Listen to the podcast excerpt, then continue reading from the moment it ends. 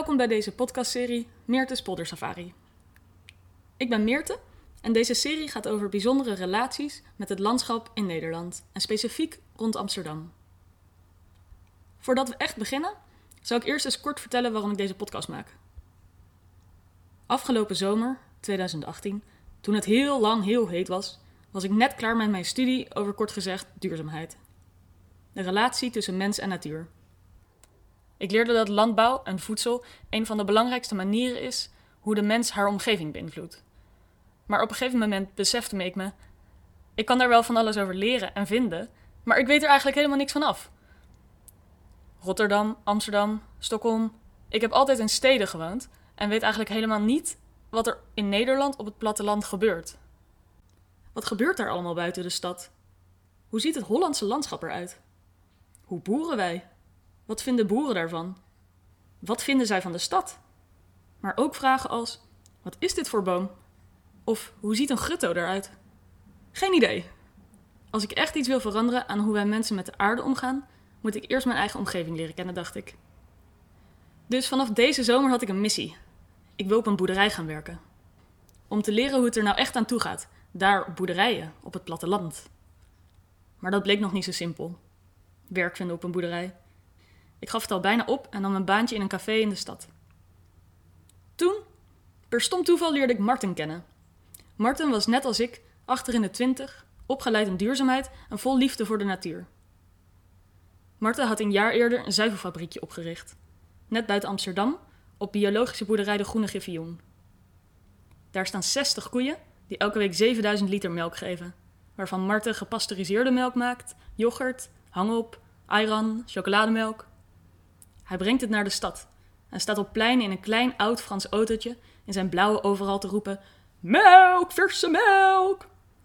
Hij wil consumenten in de stad meer betrekken bij een voedselproductie op de boerderij. Marten en ik vonden elkaar in deze zoektocht en ik ging bij hem aan de slag.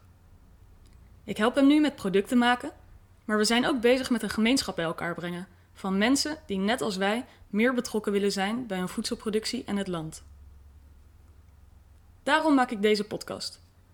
Om geïnteresseerden mee te nemen in deze zoektocht. Ik ga met mensen praten die een sterke band hebben met het landschap rond Amsterdam. Ik hoop te ontdekken wat hen intrigeert aan het land wat zij zien dat ik nu nog niet zie. Hoe zij samenleven met hun omgeving. Waarschijnlijk zal mijn relatie tot het landschap hierdoor ook veranderen. En ik neem jullie mee, als je wilt.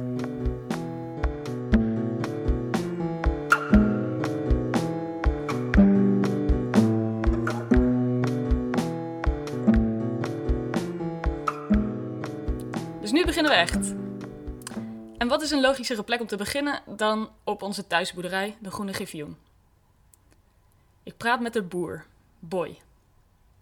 We zitten in zijn huis, op de boerderij. 20 meter naast de koeien en naast waar ik al maanden zuivelproducten maak. Het huis is helemaal van natuurlijke materialen gemaakt en ziet er heel modern uit, met een serre waarin je over de gaslanden kan kijken. We zitten in Boy's geluidsstudio, want Boy is geen standaard boer. Hij is ook geluidstechnicus.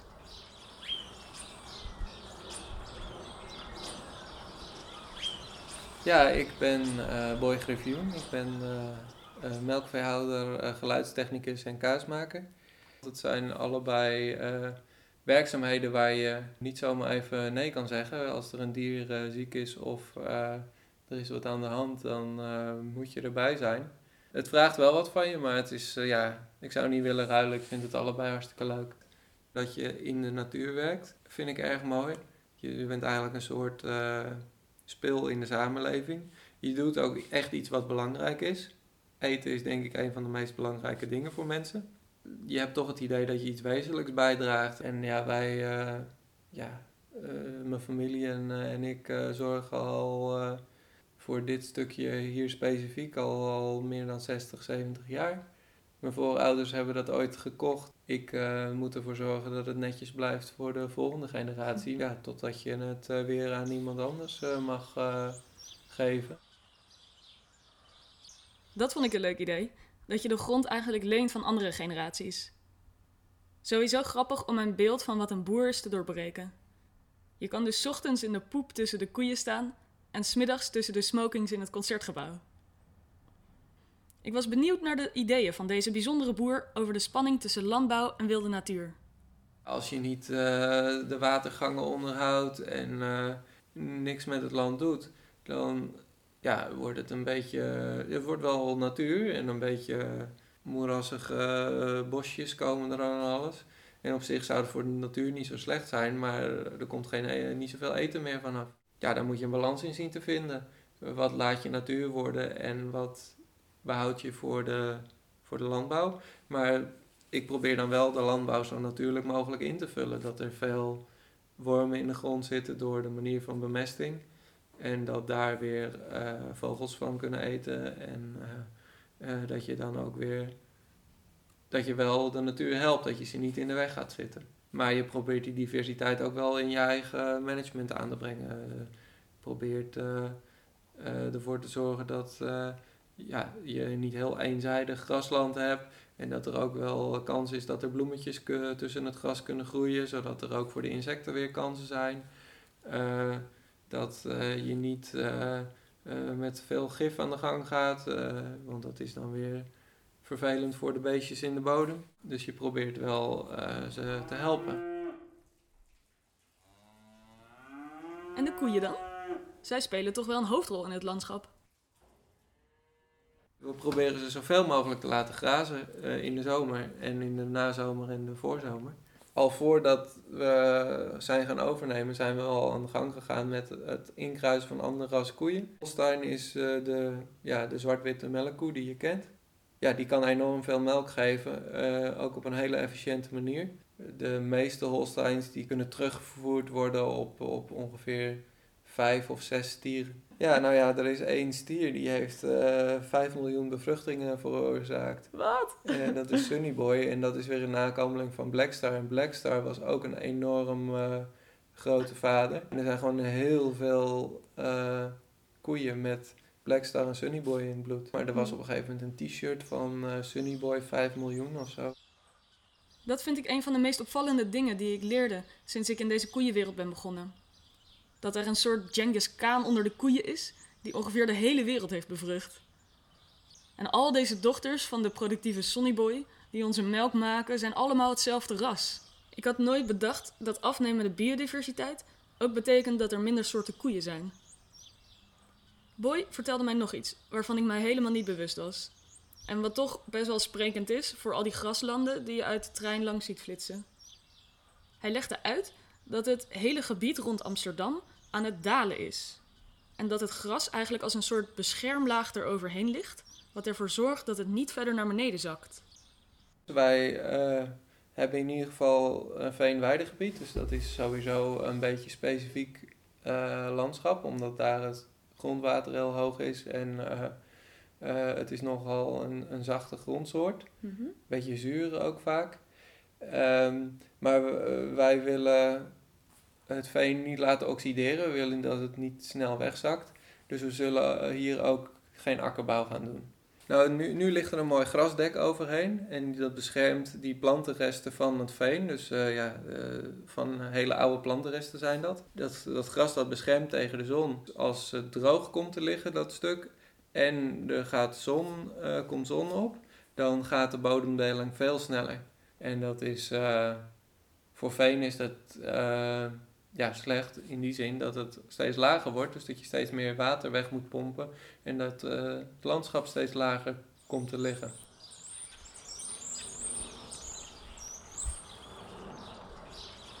Ik ben met Jurre, de andere boer hier op de boerderij. En we gaan uh, nu de koeien melken. Het is s'avonds 6 uur ongeveer. Weet je hoeveel ze plassen per keer? Echt heel lang. Ja, nou, ik weet dat een koe tussen de 100 en de 150 liter water per dag drinkt. Dus dan, nou ja, een groot deel daarvan komt er ook weer aan de achterkant uit, neem ik aan. We lopen nu de uh, melkruimte in. Of heet dit de melkruimte of heet het ja, anders? Ja, de melkstal, dat noem je eigenlijk de melkstal. Ja. We komen dus net uit het tanklokaal, waar daar staat de melktank. Ja. En hier lopen ze dus aan de ene kant naar binnen door de ene deur. Worden ze gemolken en lopen ze weer vooruit. Als ze klaar zijn, lopen ze weer uh, door de andere deur naar buiten. De koe komt binnen. Ja. Dan krijgt hij een beetje Wix in de bak. Ja? Dat weten ze, daarom komen ze heel graag naar binnen, want ze zijn er gek op. En dan eh, gaan ze eten. Ja? En dan ga ik eerst dip ik ze met een dipmiddel in een soort dipbeker. Oh. Ja, Wat is de dat? spenen. Dippen? Oké. In die dipbeker zit een desinfectiemiddel. Ah, oké. En tegelijk masseer je dat uier, of je doet het vrij stevig met je handen. Ja. Want die koe die, eh, heeft die eh, reflex, eh, die, die moet ontstaan dat die koe die melk gaat laten schieten. Ja. En dat doet natuurlijk een kalfje ook normaal gesproken. Die duwt met zijn kop tegen de uier, waardoor die koe een seintje in haar hersens vrijkomt van ik moet die melk laten gaan. Nou, dat doe je eigenlijk door middel van het voorbehandelen. Echt dat de uier een beetje stevig, stevig masseren. Hoe weet je dan wanneer ze klaar zijn met melken? Nou, dan kan je hier, dit is doorzichtig, dan kan je zien of, de of er geen melk meer stroomt. Als er Oh. geen melk meer stroomt, dan uh, Ja. hem Dan zijn ze klaar. Hoe lang duurt het meestal om eh Een koe te melken? Ja. Ja, nog geen 10 minuutjes. Oh, dat is Per koe. Oh ja. Ik ga de melkmachine aanzetten. Dan gaat er heel veel lawaai zijn, hè? Wat zeg je? Dan gaat er heel veel lawaai zijn, toch? Nee, dat valt er wel mee.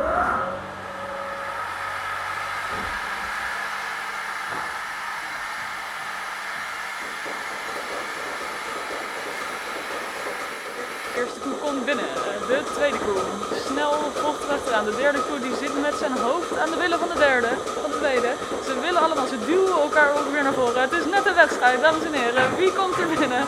Ja, dit was de eerste lading. Oh, ze zijn echt heel groot.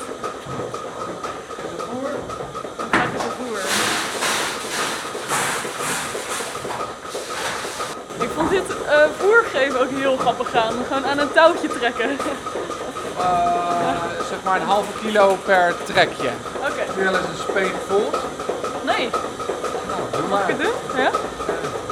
Gewoon, we gaan gewoon met de handen op, Ja. is dat juist... eh, Vaak helpt het als je even de koe aanraakt, dat ze weet dat je er bent. Oké. Dat ze niet schrikt van je. Nu gaat de eerste zuigmachine erop. Op de tetels. Dat is één. Dat is één. Eigenlijk moet je je vinger er even in steken. Oh ja. Dat is gewoon een... eh, Oh wow, best wel sterk ja. gewoon een hele sterke stofzuiger. Dus deze staan nu lekker te melken. Oh ja, je ziet de melk ook lopen. Even plassen. Oh, stapje naar achter. Het spettert nogal. Ik had het eigenlijk veel chaotischer verwacht. Het is best wel rustig en kalm. Deze zijn klaar. Dat ging best wel snel. Nu gaat het hek weer open en mogen ze weer naar de stal.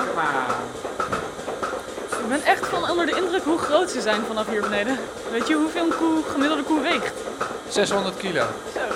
Oh, ik krijg een flats poep in mijn nek. Kut. Ja, er stond een eh, koe achter me te poepen en ik stond heel niets vermoedend een meter ongeveer er vanaf, anderhalf meter en ik voel opeens iets in mijn nek vallen. Als boer moet je niet bang zijn voor een beetje mest.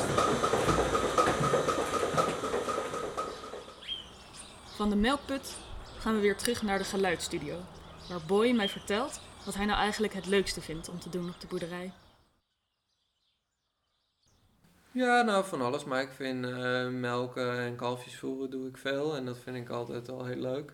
Het is, eh, en je bent echt met de dieren bezig. Maar het is ook weer niet zo intensief eh, dat je niks anders meer kan bedenken. Dus je kan ook rustig over allerlei zaken nadenken en filosoferen over wat je wil in dit leven.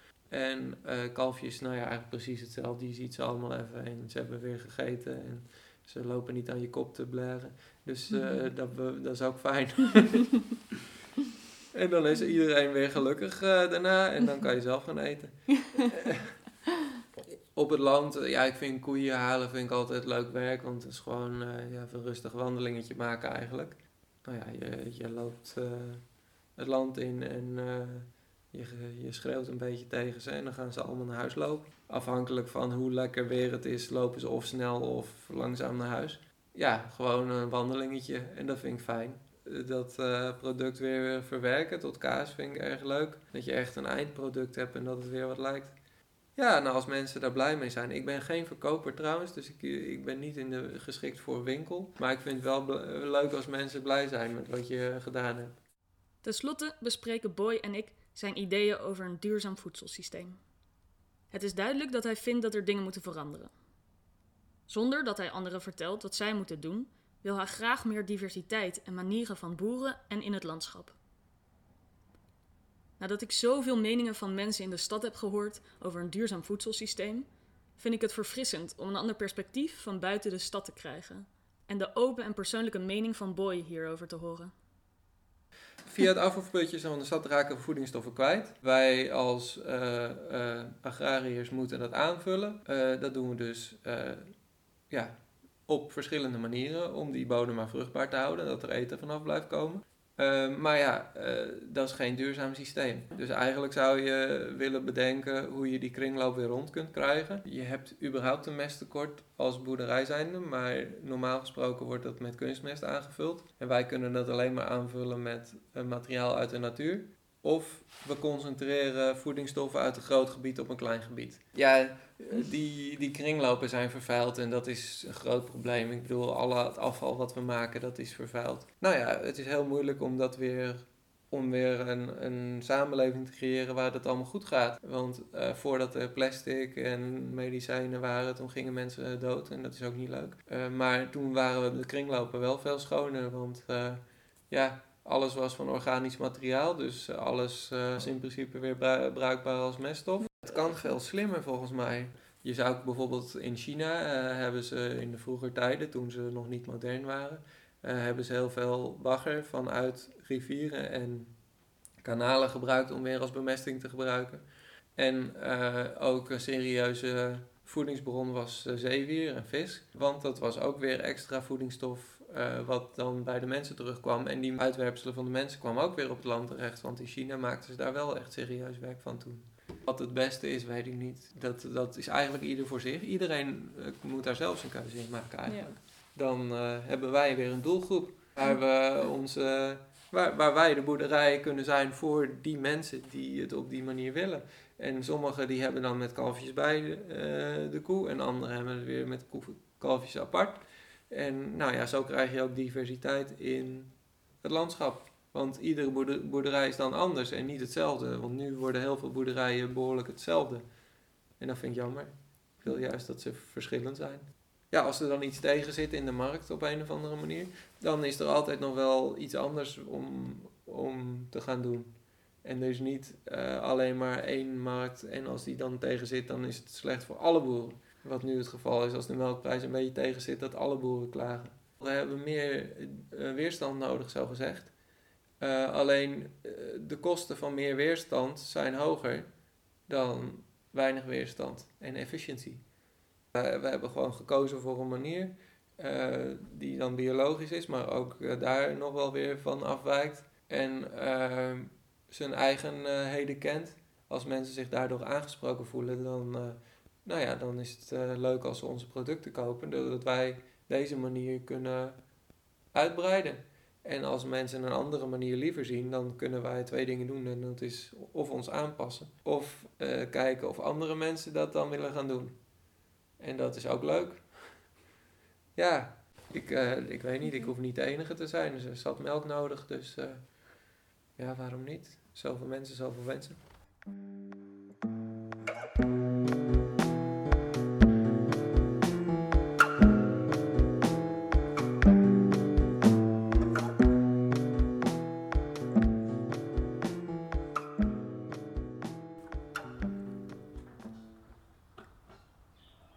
Langzaamaan heb ik het gevoel dat ik de eerste stapjes zet in de wereld van koeien, graslanden, boeren en boerderijen. Het dalende grasland, de grootte van een koe, de monocultuur in de veehouderij. Ik leer dingen die heel normaal zijn voor sommigen, maar best nieuw voor mij. Boy laat mij zien hoe een moderne boer eruit kan zien. Een boer met een hart voor zijn dieren, insecten en mensen. En een boer die filosofie combineert met radio maken in het concertgebouw en poep in de melkput. Ik vind het geweldig om te zien en het opent mijn beeld van hoe stad en platteland samen kunnen gaan. Ik hoop nog met veel andere mensen te gaan praten die mij kunnen laten zien hoe je ook naar je omgeving kan kijken. Wat andere vormen zijn van leven en je omgeving inrichten. Leuk dat je luisterde naar deze podcast. Het was de eerste in de serie Meertes Polder Safari. Heb je nou dezelfde soort vragen of wil je meer betrokken zijn bij waar je voedsel vandaan komt? Kom dan graag even praten met Marten of mij als wij staan te venten op de Amsterdamse pleinen. En de plekken en tijden staan op de website moma.amsterdam. Of ga even langs bij boerin Wendela op haar winkel op de boerderij De Groene Griffioen.